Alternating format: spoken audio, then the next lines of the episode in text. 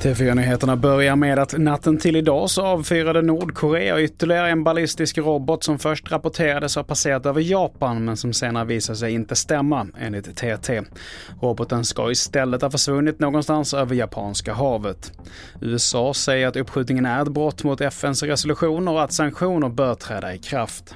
Och vidare till att de iranska journalister som var bland de första att rapportera om 22-åriga Masa Aminis död riskerar nu dödsstraff för sitt arbete.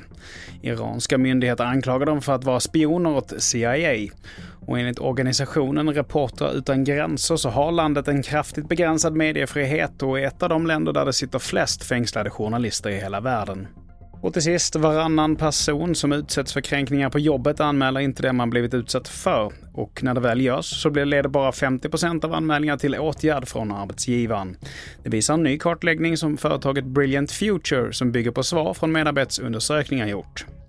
De vanligaste orsakerna till mobbing är kön, följt av etnicitet och ålder. Och så här säger Sofie Johansson som är expert på Brilliant Future. Arbetsgivare har enligt lag ansvar att förebygga kränkande särbehandlingar och därför är det så väldigt viktigt att man hela tiden har fakta kring hur det faktiskt ser ut i sin organisation. Fler nyheter hittar du på tv4.se. Jag heter Mattias Nordgren.